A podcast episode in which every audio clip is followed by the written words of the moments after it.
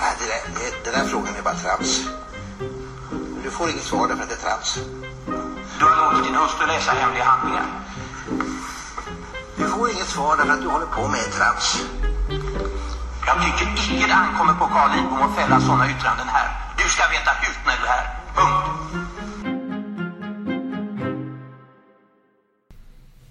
Hej Patrik! Hej Moa! Vad är det för datum idag?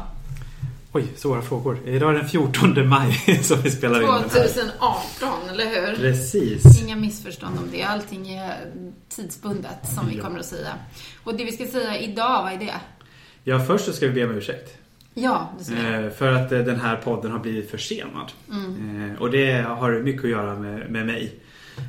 Vi hade inplanerat två stycken poddinspelningar. Men vad hände då? Då petade jag in en pinne i ögat.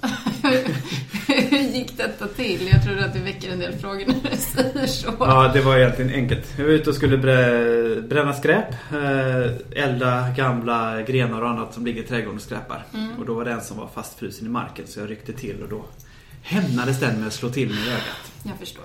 Ja. Men det innebar att jag fick eh, datorförbud. vård, jag uppsöka vården och fick datorförbud och läsförbud i en vecka. Mm. Så att var tvungna att ställa in båda de här poddarna. Som vi hade planerat. Ja. Ska vi berätta om dem? Vad vi hade lagt upp för plan som nu inte blir av Ja, men gör våren. Berätta. Ja, men den första podden vi skulle ha, det var ju en intervju, kan man nästan säga, med Mm. eh, Thomas Bull. Som hade lovat att ta emot oss hos Lagrådet och berätta lite om deras arbete. Och vi skulle ställa lite generella frågor om eh, Lagrådets roll Mm. i lagstiftningskedjan, tänkte vi oss. Precis, Lagrådet och justitierådets då, eh, roll. Mm, precis. Och prata även om Högsta förvaltningsdomstolen, tänkte jag pressa honom lite på. Ja, Han är ju dessutom gammal professor från Uppsala. Precis. Och författare till en av kursböckerna, inte minst. Och föreläsare. Ja. Så att, eh, jag tror att Thomas sa en del saker vid eh, föreläsningen här på kursen som vi hade kunnat fråga lite mer om. Men, men det blev som sagt inte av, men han har lovat att ställa upp under hösten. Så att om ni fortsätter lyssna på podden så kan ni höra det avsnittet i höst. Vill Precis. du berätta om det andra Ja, avsnittet? den andra podden vi tänkte handla om eh, religionens roll i samhället kan man säga. Mm. Framförallt med anledning av debatten kring bönutrop Mm. och debatten kring religiösa friskolor. Mm. Och då hade vi tänkt eh, prata med Victoria Enqvist och Lotta Lervall, eh, två forskare här på på institutionen, professor Mm. Lotta Lervall och eh, doktor Victoria Enqvist. Som har skrivit om de här frågorna från lite olika perspektiv. Mm. Jag tänkte diskutera lite religionens roll och hur man ska se på det rättsligt, var religionsfrihetens ramar går och, Mm. och så vidare. Och den kommer också i höst. Vi får vara Mm. tvungna att skjuta fram den också. Mm. Mm. Eh, Ja, vi hoppas ju att ni ska komma ihåg och vara intresserade av den offentliga rätten även fortsättningsvis nu när ni har fått upp ögonen för den. Och följa den här podden givetvis som ni Mm. alla älskar. Eh, så stay tuned. Eh, så kommer massor av spännande saker i höst. Mm. Men eh, okej, det var lite vad som komma skall. Ja. Och nu, vad har hänt sen sist? Ska vi säga något om det i samhället? Den konstitutionella rättens synlighet i samhället. Ja, det händer ju saker hela tiden. Det är ju valår. Mm. Så att man märker utspel både till höger och vänster om både det ena och det andra. Mm. Eh, mer konkret så har vi varit KU-förhör kring Mm. Transportstyrelsen. Just det. Eh, och det är spännande. De ju, är ju offentliga och man har kunnat titta på dem både på plats och på TV. Har du gjort det Eh, eller? Jag har sett vissa delar, inte alltihop. Nej. Eh, har haft undervisning och annat som sitter i vägen. Mm. Eh, men där kommer ju också KUs betänkande. Kommer här i slutet av maj, början av juni. Mm. Då vi får veta vad de tycker och tänker om allt som har hänt eh, kring Transportstyrelsen och ifall det är någon minister kanske som blir kritiserad. Eh, och frågan om givetvis statsministerns roll eh, när det gäller ja, ansvaret för informationsspridning inom regeringen. Vill du spekulera? Jag spekulerar och tror att det kommer bli ett kritiskt granskningsbetänkande. Jag tror att dels de ministrar såklart som har fått gå Mm. kommer ju med största sannolikhet få kritik även i betänkandet. Eh, Jag tror även att försvarsministern och statsministern kommer få sig en släng av sleven. Eh, Om inte annat för statsministerns roll att han inte har hållit sig informerad. Eh, Och frågan är vad som har sagts på de här Säkerhetspolitiska mötena kommer säkert också diskuteras. Det här är dina favoritfrågor, eller hur? Absolut, det här är mitt, mitt hjärtebarn, KU. Som en del av kontrollmakten kan vi ju då säga inför tentan och för att Precis. knyta till terminskursen. Det säger ju allt. KU har ju två roller. Mm. Ett som vanliga dödliga eh, utskott i lagberedningen som alla andra utskott. Hur menar du då? De förbereder och granskar lagförslag som har med grundlagen att göra. Mm. Eh, och lägger fram betänkanden eh, om beslut till riksdagen. Ja. Och sen har de vid sidan av det en massa andra specialuppgifter. Mhm. Eh, och bland annat då enligt eh, RF 13 kapitlet med granskningen. Mm. Åtalsmöjligheten. Eh, de har vissa uppgifter i förhållande till talmannen när det gäller att vägra ställa proposition till exempel. Nu, nu sa de här sakerna i samma mening. Åtalsmöjligheten, vad var det? Vill du vara... Åtalsmöjligheten i RF 13.3. Det är bara KU som kan väcka åtal mot statsråd. Mm. Precis.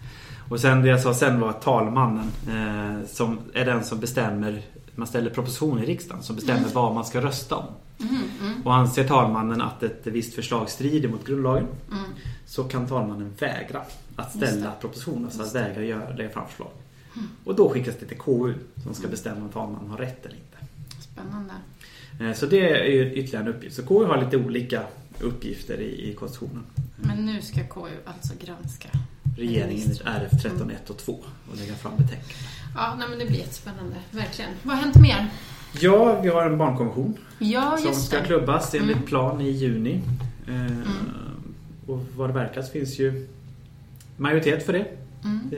Eh, Partierna ställer sig bakom, eller tillräckligt många ställer sig bakom. Vad ska vi säga om det då? Om barnkonventionen generellt och att göra barnkonventionen till lag? Först kan man ju konstatera att den är kritiserad. Att göra den till lag har kritiserats från Ja. många håll. Inte minst från Juristsverige. Lagrådet då, eh, som eh, vi pratade om tidigare. Lagrådet har avstyrkt att man gör konventionen till lag. Mm. Eh, och det har att göra med att den är ganska generellt hållen. Man kan konstatera sagt att det, det är den mest undertecknade konventionen i världen. Alltså Mm. flest länder som undertecknat den här. Mm.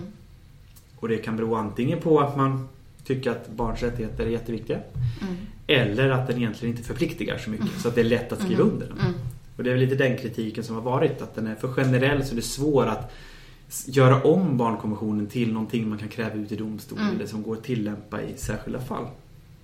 Kan vi, ska vi ge något exempel? Till exempel det begreppet barnets bästa är ju ett väldigt allmänt Luddigt. hållet. Ja, precis. Det är ett luddigt begrepp och används i olika, olika lagstiftningar. Den finns ju i, till exempel i migrationsrätten och den finns ju eh, när det gäller omhändertagande av barn Mm. eller tvångsvård som, som Och- du har jobbat med. Ja, och vårdnadsmål. Och vårdnadsmål. Umgängesmål. Men man kan ju också säga att, att det skiljer sig väldigt mycket mellan olika kulturer. Hur man ser på vad som är bra för barn. Alltså kulturer inom Sverige, tänker jag. Kanske olika delar av Sverige eller Ja, olika absolut. samhällsklasser och i olika länder och i ja, olika Väldigt stor tider. skillnad. Och det ser man ju alla MR-frågor eh, generellt. Och när det gäller synen på barn så sagt otroligt stora skillnader mellan Mm. olika eh, platser i världen, olika kulturer, olika religioner, olika klass. Eh, alla möjliga varianter. Mm, mm. Men jag tänker också på det här med tolkning av rättskällor. För det här blir ju att man förändrar barnkonventionens rättsliga ställning ju. Precis, man gör den till lag så att den blir som EKMR. Att den både folkrättsligt dokument och svensk lag. Mm. Ehm, och det, det blir ju skillnad. Det är en skillnad på hur man tolkar en lag. Mm. Den kan man åberopa direkt i domstol. Mm. Medan ett folkrättsligt dokument det kan man inte åberopa direkt i nationell domstol. Utan då får man använda sig det som kallas för fördragskonform tolkning. Så Ja. att man tolkar svensk rätt i ljuset utav eh, konventionen och försöker man kan tolka om, man, eller man, man kan gå emot tidigare praxis och man kan gå emot förarbeten för att tolka om den svenska rätten så att den passar överens med till exempel barnkonventionen. Men man får aldrig gå emot ordalydelsen i svensk lag. Nej. Då får konventionen vika. Nu är det lite grann ett sidospår, men när vi pratar om fördragskonform tolkning, eller konfo- konventionskonform kan man väl säga i det här fallet, eller? Ja, precis. Då har ju faktiskt du varit med och skrivit en rapport för ett uppdrag från regeringen. Vill du berätta vad det här var för en Precis. rapport? Eh, Vi fick uppdraget av regeringen. Det var jag och Maria Gran Farley eh, och Jane Reiche. Men det var inte ni som fick uppdraget, utan Uppsala universitet fick uppdraget och sen så eh, var det vi som fick uppgiften att slutföra själva rapporten. Ja. Och Jane Reiche var projektledare och det var jag och Maria Gran Farley som skrev texten. Mm. Vad var uppgiften ni hade? Uppgiften var att kolla på dels hur domstolar tillämpar principen om fördragskonform tolkning. Mm. På vilket sätt, hur man argumenterar med folkrättsliga dokument. Mm. Eh, Och det var den delen som Maria Gran Farley hade ansvar för. Eh, Och mitt ansvarsområde var att, eh, att granska hur myndigheter jobbar med fördragskonform tolkning inom ramen för både sin beslutande verksamhet men också inom ramen för den faktiska verksamheten. Mm. Och det som för min horisont var, var spännande var att i den beslutande verksamheten så använder man inte internationella konventioner i stort sett alls. Inte ens i, i fall där till exempel barn och barnkonventionen som ju har en viss ställning så tillämpar man inte den fördragskonformt. Eh, ens i fall som rör barn direkt, ersättning till barn eller eh, assistansersättning till barn till exempel som var två fall jag tittade på. Även Migrationsverket eh, tillämpar inte heller barnkonventionen konformt i förhållande till barn. Men varför ville regeringen veta det här då? Var, För att Sverige har fått kritik för att vi inte tillämpar våra folkrättsliga dokument. Eh, och då vill man göra en undersökning för att visa hur det går och vad man kan vidta för åtgärder för att förbättra det här. Mm. För det finns en uttalad vilja från regeringen att, att tillämpa saker och ting konformt. Eh, och man skriver i förarbeten att man ska ha, fördragskonform tolkning. Men man ger inga anvisningar till hur man ska göra det. Nej. Och därför så myndigheten då som styrs av regeringen eh, ja, de, när det gäller lagtillämpning så vill de inte ta ut svängarna och hitta på saker själv utan då följer de tidigare praxis. Men däremot i den faktiska verksamheten, utformningen av hur man gör så tar man stor hänsyn till till exempel barnkonventionen. Eh, inom kriminalvården så har man särskilda besöksrum för familjer. Man ger tillfälle för föräldrar som sitter intagna att läsa in sö- godnattsagor på CD-skivor till sina barn. Ehm, och sådana, man faktiskt anpassar verksamheten med direkt hänvisning till barnkonventionen och barnets bästa. Men kan man, utifrån den här rapporten då, om vi kopplar tillbaka till barnkonventionen. Tror du att det kommer bli bättre, alltså får, får barns rättigheter större genomslag genom att göra den till lag? Det återstår ju att se vilket genomslag den får. Problemet med ett sånt här dokument är ju att det finns inga förarbeten på det sättet. Det finns barnrättskommittén som är kopplad som gör uttalanden omkring hur barnkonventionen ska tolkas. Mm. Men de uttalandena är inte folkrättsligt bindande för Sverige. Nej. Eh, och som jag förstått det så vissa av dem tycker Sverige är vettiga och bra och andra tycker man inte alls att man har någon anledning att följa. Och det blir väldigt osäkert då för domstolarna. Vad ska de ta hänsyn till när de tolkar barnkonventionen? Hur ska de tolka barnkonventionen? Ehm, framförallt när den är så pass generellt skriven. Så att Mm. det återstår att se. Ja, och det här vet jag att vi har nämnt förut, men det ju, finns ju skillnad mellan barnkonventionen och Europakonventionen i att barnkonventionen inte har någon domstol. Precis, det finns sig. rättsligt bindande organ som säger hur den ska tolkas. Nej. Men Ja. Å andra sidan så är barn och rättigheter. Hur ska Mm, man liksom, Har inte barn rättigheter enligt Mm. Europakonventionen också? Ja. Varför behöver vi barnkonventionen? Ja, alltså det här är ju faktiskt en av mina käpphästar som jag har skrivit lite om tidigare. Speciellt inom den medicinska rätten. För att ah, det låter ju tokigt men jag brukar berätta ofta när jag föreläser att barn faktiskt är människor. Det låter som en nyhet. Men om vi på riktigt accepterar att barn är människor och rättighetsbärare då skulle vi faktiskt inte behöva barnkonventionen. Då skulle det räcka med regeringsformens rättigheter och Europakonventionens rättigheter och alla andra internationella dokuments rättigheter. Men eh, så är det ju inte riktigt eftersom det saknas vissa regler. Nu blir det här otydligt märker jag. Hur ska jag förklara? Det jag har skrivit om som visar att barn inte har samma rättigheter som vuxna det är framförallt att det saknas tvångsvårdslagstiftning av barn. Det är det exemplet jag har tittat på. Eh, om man jämför med psykiatrisk tvångsvård som är en extremt ingripande åtgärd.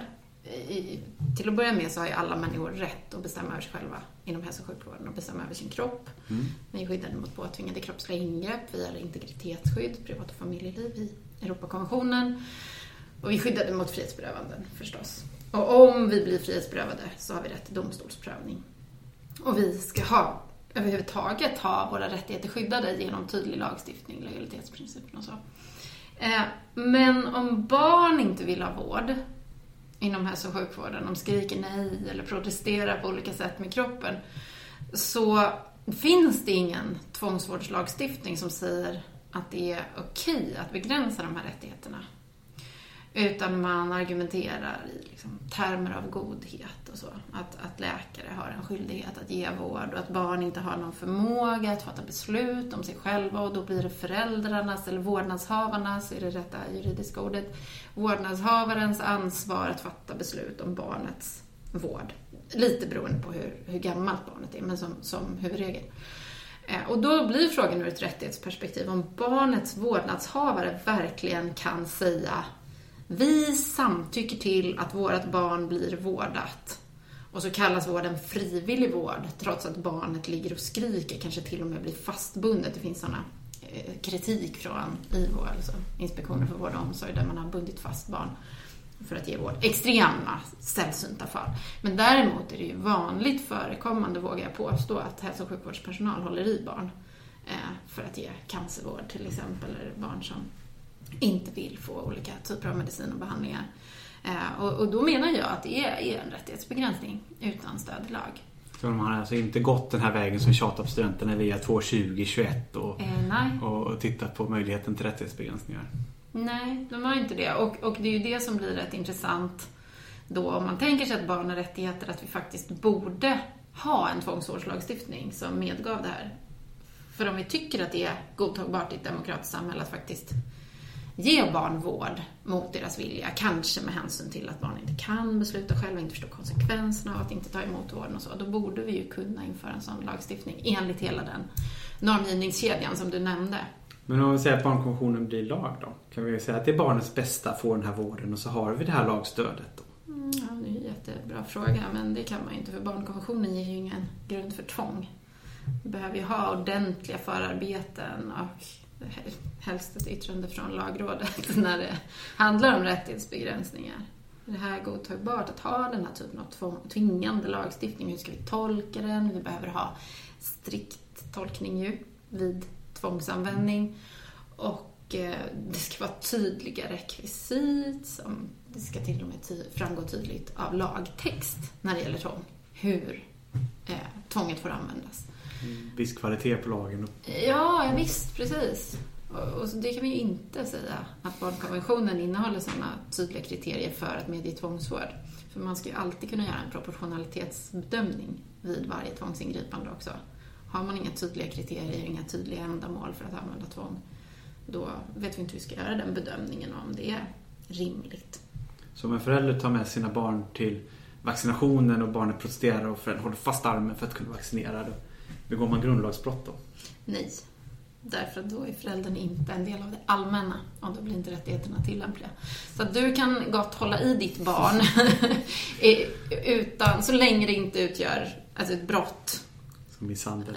Ja, exakt. Eh, men du kan hålla i ditt barn, men så fort eh, ditt barn blir så stort eller producerar så våldsamt att eh, hälso och sjukvårdspersonalen måste hjälpa dig att hålla i barnet, då kickar ju rättighetsskyddet igång, skulle jag säga. Så, problemet, är, om vi bortser från de extrema fall, mm. så problemet är ja, Problemet kanske inte är att man ibland måste hålla fast barnet utan att man inte har lagstöd för det. Ja, så är min tolkning. Och jag skrev en artikel för några år sedan som heter Att tvinga ett barn. Den är publicerad i förvaltningsrättslig tidskrift. Och då förde jag det här långa, långa resonemanget, kanske lite för långa, men som gick ut på att vi faktiskt behöver mer tvångsvårdslagstiftning kopplat till barn. Och det var ju en obehaglig slutsats för mig mm. att dra. för när man pratar om barnkonventionen och barns rättigheter, då implicerar det ofta att vi inte ska tvinga barn, att vi typ ska vara snälla mot barn. Men frågan är ju vad det betyder just i förhållande till barndomen. Du och jag brukar ju ta det här liksom, exemplet med från, från levande livet i vad mån man ska tvinga sina barn att ta på sig kläder som man själv bedömer är lämpliga för vädret. Ska man få gå ut i tyllkjol i 20 minus? Är det, är det snällt att låta barnet bestämma en sån sak själv? Så att, min, min äldsta dotter har också en egen tolkning av barnkonventionen. att hon bestämmer allting. Eh, och vi inte har rätt att säga åt henne att hon ska städa sitt rum. Mm. Det strider mot barnkonventionen. Det där är ett jättebra exempel. För artikel 3 säger ju att vi ska, vid alla beslut som rör barn, beakta barnets bästa. Och artikel 12 säger att barnets vilja alltid ska utredas så långt som möjligt och vi ska beakta barn har rätt att komma till tals.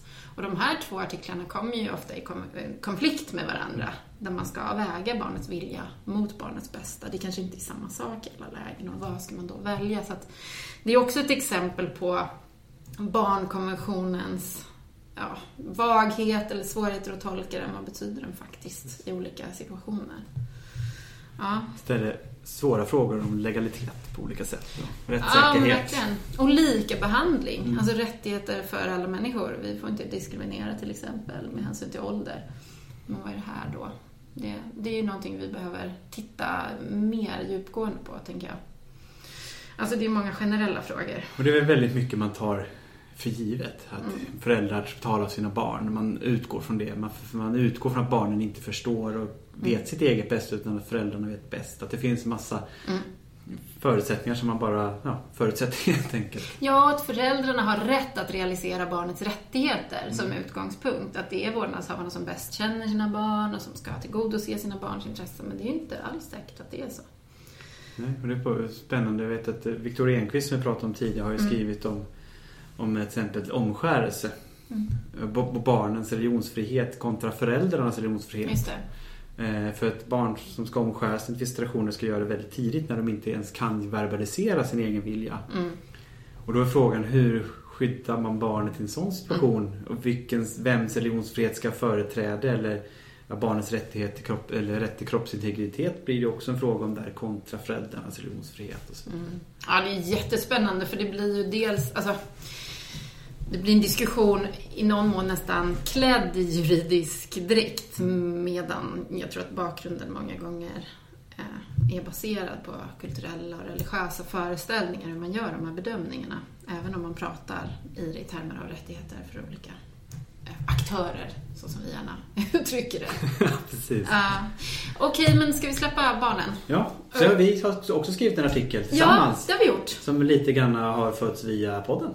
Det kan man absolut säga. Eh, och det var ju så att vi i ett av de första avsnitten av podden som vi faktiskt har tagit bort eh, pratade om Vellinges, Vellinge kommuns beslut att införa ett tiggeriförbud. Precis. Nu kommenterade vi lite och, och började fundera på hur det kom sig att Länsstyrelsen hade befogenhet att upphäva de kommunala föreskrifter som kommunfullmäktige hade utfärdat. Kommunfullmäktige som är en demokratiskt vald församling som särskiljs i RF från, andra, från andra kommunala organ och som ju är direkt folkvalda och med kommunala självstyrelsen som grund så här. Så går Länsstyrelsen och myndighet in och underkänner lagstiftningen. Och vilka i Länsstyrelsen började ju du och jag ja.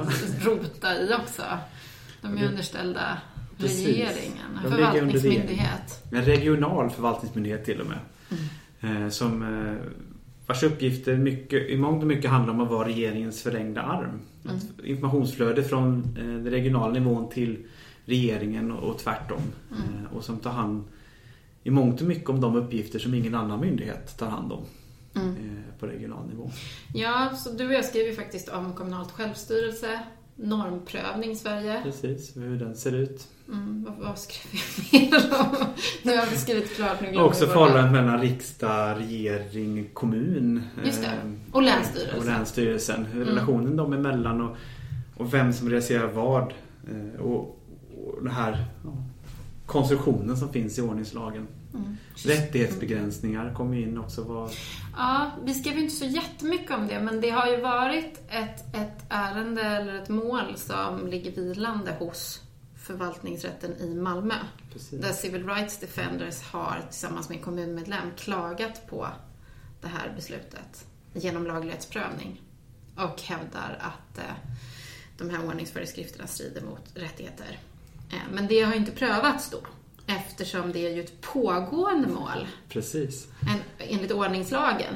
Vill du, vill du förklara? Det är lite märkligt. Ordningslagen är uppbyggd så att kommunen har en delegation att göra ordningsregler i kommunen. Mm. Men de får inte vara rättighetsbegränsande och inte vara eh, onödigt eh, betungande för kommunmedlemmarna. Via ordningslagen ska vi säga nu när vi pratar Via ordningslagen, precis. Delegation mm.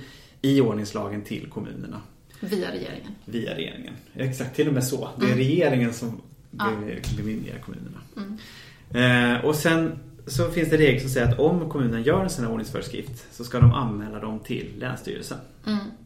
Och Länsstyrelsen har då uppgift att pröva om de är i överensstämmelse med ordningslagen.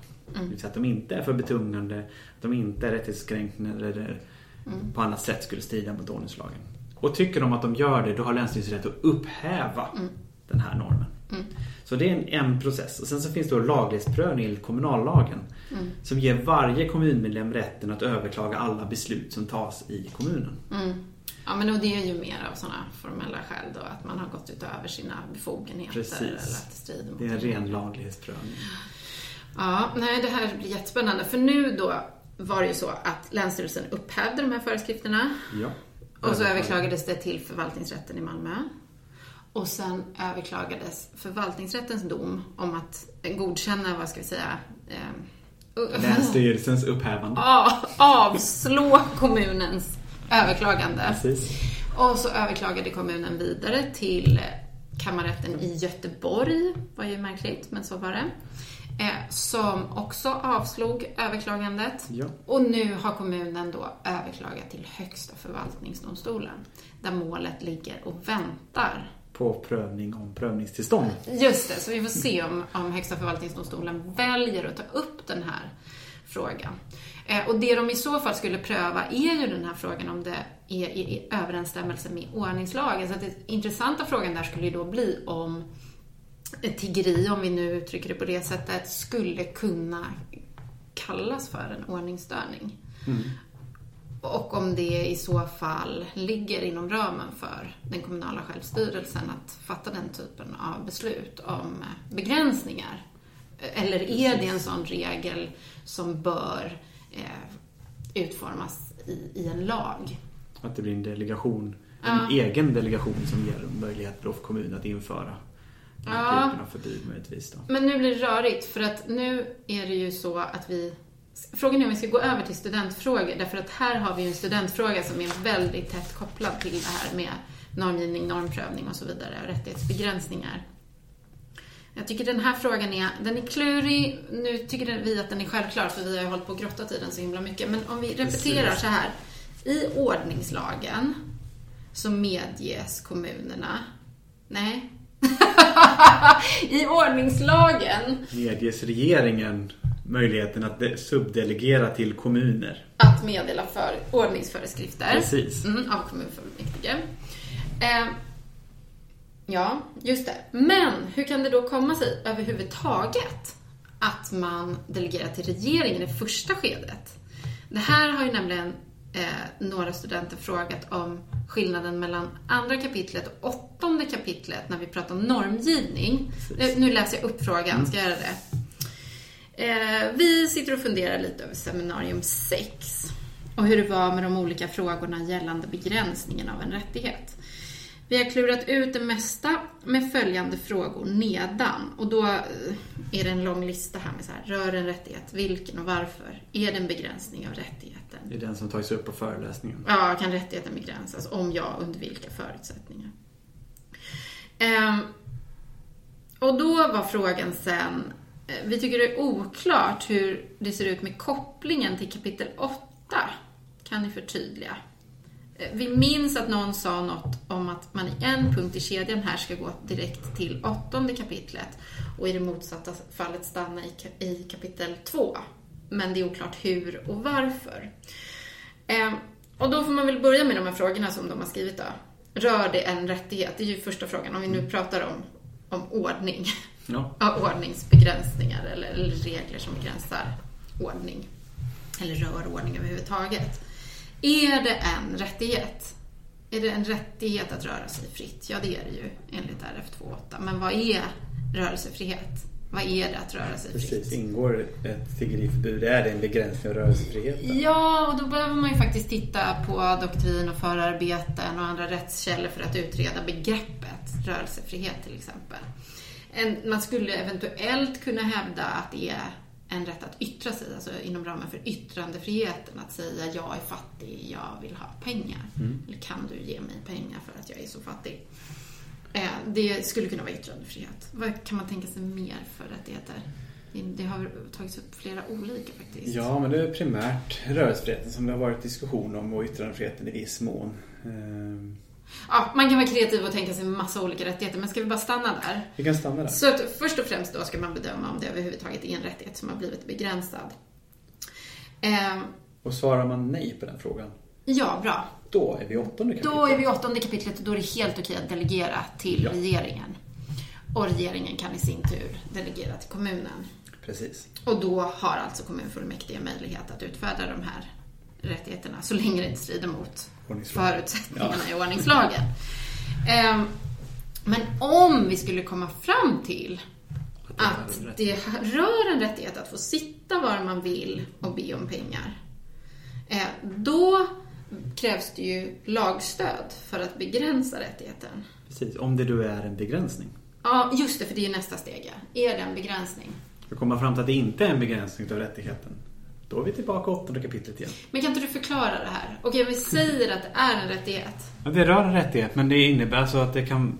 Men hur kan det inte det, vara en begränsning Det finns det flera sådana exempel. Det, finns exe- det klassexemplet är yttrandefriheten. Ja. Ifall det är så att vi sätter ett decibeltal på en högtalare Ja. för att skydda hörsel. Mm. Då står det uttryckligen i, i grundlagen att det är inte en rättighetsbegränsning. Mm. Och alltså är det, alltså, då, då är vi inte i andra kapitlet, för vi rör inte rättigheten. Nej. Utan då är vi i åttonde kapitlet. Mm. Eh, och det kan vara andra sådana saker det är formfrågor som är, alltså inte är kopplade till begränsad rättigheten. Till exempel brandsäkerhetsföreskrifter eh, och liknande.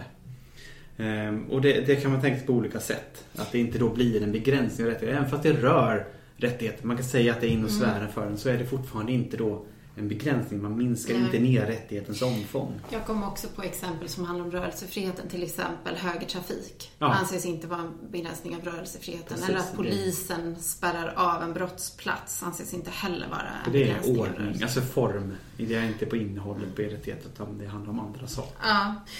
Okej, men om det då är en begränsning av rättigheten, Då då behövs det lagstöd. Och hur får man lagstöd för en rättighetsbegränsning? Jo, då måste man gå till andra kapitlets normgivningskedja och titta i 2.2021 och så vidare. Precis. För att se vad det gäller för omröstningsregler och under vilka förutsättningar man får lov att begränsa rättigheter. Jag hoppas att det blev lite tydligare med åttonde kapitlet och andra kapitlet. Men vi har fått en annan fråga som är lite inne på samma, som rörde eh, uppgift 1 på seminarium 6. Om eh, ni minns den här frågan om eh, de som drack starkare drycker i eh, Grönköpings kommunala park. Och frågan om rätten för polisen då var det väl eh, att beslagta de här eh, dryckerna. Om man kunde införa ett förbud mot att dricka eller, nej, eller bara bära alkohol genom parken. Var ju frågan. Eh, Och då blir det ju samma sak. Man måste säga, är det en rättighet? Är det en begränsning eller inte? Ehm, och finns det lagstöd ifall det är en begränsning? Då får man gå igenom de här punkterna och fundera på vilka rättigheter kan vara aktuella? Går de begränsa om de är begränsade? Och finns det då lagstöd till exempel i, i ordningslagen? För där finns det ju lagstöd för en del, eh, ja, en del saker man får göra helt enkelt. Mm, precis. Eh, Vi pratade ju dels om det här om man skulle bli tvungen att gå runt en park, om det kunde vara en begränsning av rörelsefriheten. Precis. Men sen också om man börjar rota i någons väska så skulle det kunna vara att klassa som husrannsakan Ja. 2.6. Men, men där finns det faktiskt en gränsdragningsproblematik skulle jag säga om man tänker sig att man går med en systemet-kasse i handen. Är det verkligen husrannsakan att titta i någons kasse? Uppenbart vad som finns där i.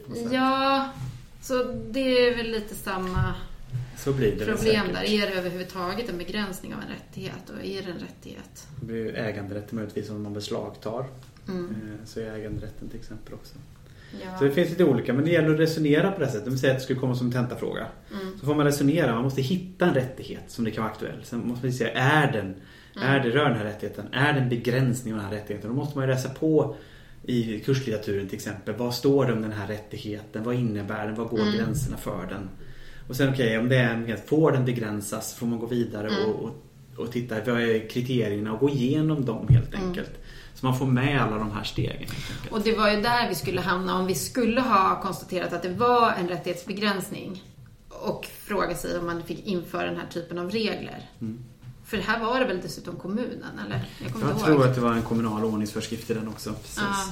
Och då får man inte ens delegera till kommunen. Så det kan ju inte ens bli aktuellt för kommunen att utfärda en rättighetsbegränsning. Men om vi då tänker oss att kommunen med stöd av hela riksdagen skulle få igenom en sån här bestämmelse. Ja. Att man inte får gå igenom parker rent generellt med alkohol. Eh, Då blir frågan om det är godtagbart i ett demokratiskt samhälle, om ändamålet. Alltså, Precis. man går längre än vad ändamålet kräver. Beta igenom de kriterier som finns i Ja, och 221. den diskussionen hade vi rätt mycket. Mm. Är det verkligen så att ingen får passera parken, inte ens Agda med sin rullator och sin lilla kirflaska? är det inte okej? Är det rimligt att ha den typen av rättighetsbegränsande lagstiftning? Och det är ju även om om vi skulle komma fram till att det inte är rättighetsbegränsande så är ju om man då skulle gå vidare till ordningslagen så får det inte vara onödigt betungande. Nej. Och då kan det ju vara så att det finns skäl som gör att för vissa personer skulle det vara onödigt betungande att, Mm. att ha en sån här regel. För att det skulle inte störa ordningen att Agda klinkar igenom med sin flaska eh, den ända vägen hem för att annars måste hon gå runt halva stan. Mm. Nej, och då blir det väldigt tydligt också ur ett proportionalitetsperspektiv att verkligen förtydliga vad ändamålet är. Du sa ordning nu här. Mm. Men är det ordningen som är ändamålet? Ja, men då är det inte ordningsstörande och då är det inte ändamålsenligt. Precis. Mm. Ska vi ta fler frågor från studenterna? Ja, det gör vi. Jag har en här om eh, skillnaden mellan yttrandefrihetsmål och yttrandefrihetsbrott. Ja, den kan väl du ta. Och kopplingen till ensamansvaret. Ehm, och det man brukar säga, ja, TF-brott och brott mot TF eller mot YGL, YGL-brott och brott mot YGL skiljer de åt. Eh, och det som är då TF-brott eller YGL-brott det är alltså det som står i brottskatalogen i 7.4 TF då. Där det står vilka brott som är eh, TF-brotten. En gång till, vad var de för någonting? Brotten, det är alla möjliga. Är, Nej, men vilket begrepp kopplar du det till? TF-brott eller YGL-brott eller yttrandefrihetsbrott då. Mm. Eh, och det är, då är det ensamansvar. Då kickar ensamansvarsreglerna igång och den här särskilda prövningen med ansvarskedjan och sådär.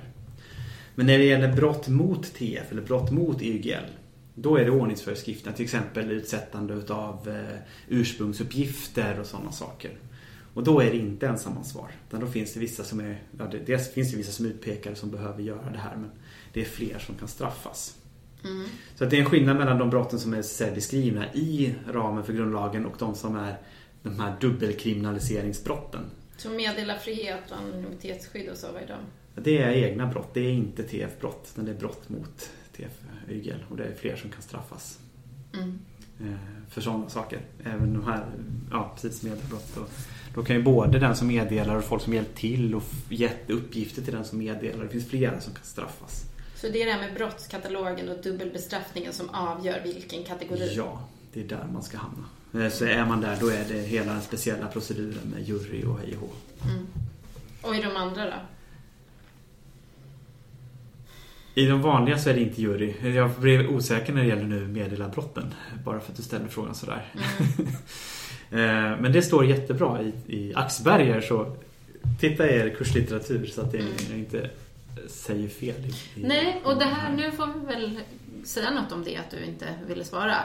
Det är ju faktiskt så för oss att vi undviker att svara om vi inte är helt 100% säkra och dubbelkollar och Ja. dubbelkollar och dubbelkollar. Det brukar jag faktiskt understryka för mina Mm. studenter att ibland så kan jag nog uppfattas som ganska okunnig.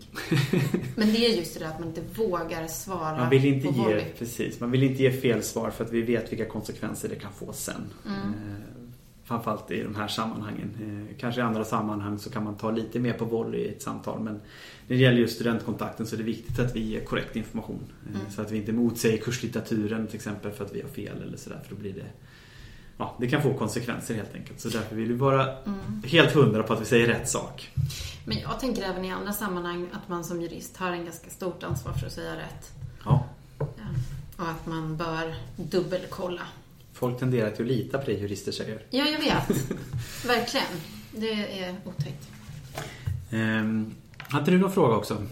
Ja, eh, en, en svår en som handlade om ett, eh, en grundlagsändring i YGL, va? Och TF. Och precis. TF. Eh, här har vi fått en länk till en sida som heter stoppagrundlagsändringen.com. Och så står det, hej, kan ni diskutera denna grundlagsändring och att det har blivit en så stor grej av den? Vad betyder grundlagsändringen? Och kommer den påverka så som det påstås i länken? Där hade vi väl ett ganska kort svar, eller hur? Ja, dels så är det så att eh, det har förändrats majoritets... Vilka som stödjer det här förslaget och inte i riksdagen. Vilket gör att det med stor sannolikhet inte kommer gå igenom. Nej. Eh, och varken jag eller Moa är superinsatta i det här lagförslaget. Nej. Men vi hittade ju en text. Precis. Och den är publicerad i Press Judicata, alltså Juridiska föreningens tidning. Eh, och där står det på sidan 19 och framåt om eh, de här ändringen i grundlagen som föreslås. Precis. Eh, och där är det lite intressant också att det står precis i ingressen att det har hunnit ändras, omständigheterna har förändrats sedan artikeln skrev till att den blev publicerad. Så det går fort, speciellt när det gäller lagförslag. Och inte minst ett valår där det gäller att profilera sig på olika sätt och då kan det vara att man ändrar fot i vissa lagförslag. Eh, enkelt. Och det där är ju ett sätt att vara källkritisk som student eller som jurist när det handlar om eh, propositioner och SOUer och så. Att man måste se till, eller kolla upp om det har gått igenom eller inte. Och titta i utskottsbetänkandet så att ingenting hände i riksdagsberedningen. Att det förändrades från förslaget. Nej, verkligen. Man behöver vara noggrann som jurist. Lite sidospår då, om vi pratar om Press Judicata, senaste numret, nummer 2 2018, det är ju faktiskt att det är ett helt uppslag om dig och mig. Precis, det måste vi såklart nämna. Ja. Eh, Podden. Podden har fått en egen, en egen artikel. Eh, Juridik i örat? Frågetecken. Eh, PJ möter Patrik Bremdahl och Moa Kindström Dahlin från TET-podden. Fin bild här också. Så det tar vi och rekommenderar såklart. Så senaste numret av PJ verkar ju vara fantastiskt bra. En bra tidning i största allmänhet Det tycker jag. definitivt. En sista fråga har jag här också. Som handlar om om det är rimligt att politiker kan styra möjligheten till insyn beroende på hur riksdag och regering lägger ut välfärden.